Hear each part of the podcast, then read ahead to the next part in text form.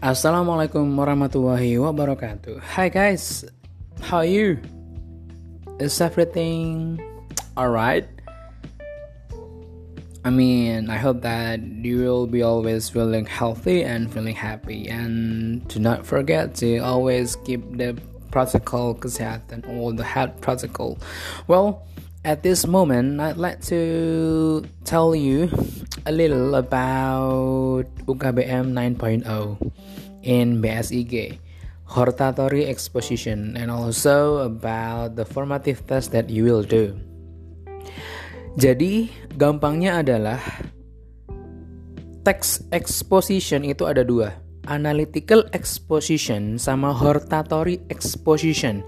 Jadi kalau misalnya kalian cek di Google perbedaan dua exposition tersebut, generic structure-nya almost the same. Bedanya adalah hanya ada di paragraf terakhir.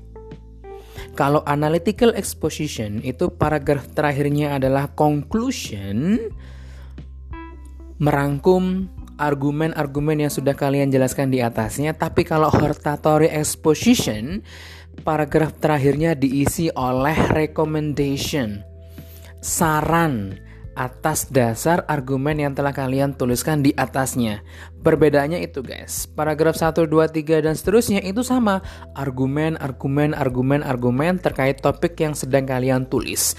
Akan tetapi di hortatory exposition, Paragraf terakhir itu isinya adalah saran atau recommendation atau advice dari kalian sendiri kaitannya dengan topik yang sedang kalian tuliskan. Tapi kalau analytical exposition itu isinya hanyalah konklusi saja, hanyalah kesimpulan saja.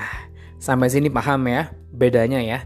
Jadi kalau misalnya Mister itu menyuruh kalian untuk membuat sebuah hortatory exposition, maka pastikan paragraf 1, 2, 3, 4 dan seterusnya itu isinya adalah argumen kalian kaitannya dengan topik yang sedang kalian tulis. Paragraf terakhir isinya adalah recommendation atau advice. Pastikan jika seandainya kalian tidak bisa mengikuti generic structure yang sudah diberikan, maka sebagus apa pun tulisan kalian, maka tulisan kalian akan dianggap salah karena tidak memenuhi rules yang sudah diberikan. Oke okay guys, itu yang pertama. Yang kedua adalah penggunaan tenses. Penggunaan tenses di sini most itu menggunakan present tense. Kecuali jika memang kalian mencoba untuk mengincludekan suatu topik yang berasal dari data-data di masa lalu, maka kalian menggunakan past tense. Jadi lebih seringnya uh, hortatory exposition itu sama dengan analytical exposition itu menggunakan uh, present tense. Past tense itu hanya digunakan untuk data-data atau argumen yang ketika kalian itu mengikutkan argumen yang terjadi di masa lampau. Jadi seperti itu guys. Itulah dua dasar perbedaan antara hortatory exposition. Karena memang tujuan dari hortatory exposition adalah sebuah bacaan yang tujuannya adalah untuk persuade the readers to follow what you are writing. Jadi untuk mengajak orang-orang itu mengikuti apa yang kalian sarankan. Jadi seperti itu guys. Nah, di formatifnya nanti Mr. Zen sudah memberikan empat gambar dan kalian pilih salah satu dari chart yang sudah ada di sana. Kalian bikin sebuah hortatory exposition text yang kalau nggak salah itu maksimalnya adalah 200 50 kata. Ingat, maksimal 250 kata. Lebih maka tidak akan misal koreksi. Ingat, maksimalnya adalah 250 kata. Lebih tidak akan misalkan koreksi.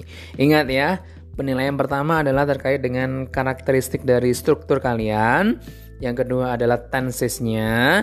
Kenapa? Karena kalau written itu bahasa written itu sangat-sangat sensitif dengan grammar. Wajib betul grammarnya. Beda dengan speakingnya, grammarnya bisa acak adut it's okay. Terus yang ketiga adalah penggunaan argumen dan rekomendasi yang kalian berikan. Gitu guys ya. Oke. Okay?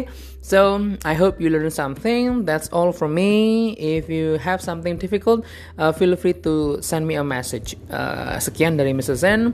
Thank you so much. Wassalamualaikum warahmatullahi wabarakatuh.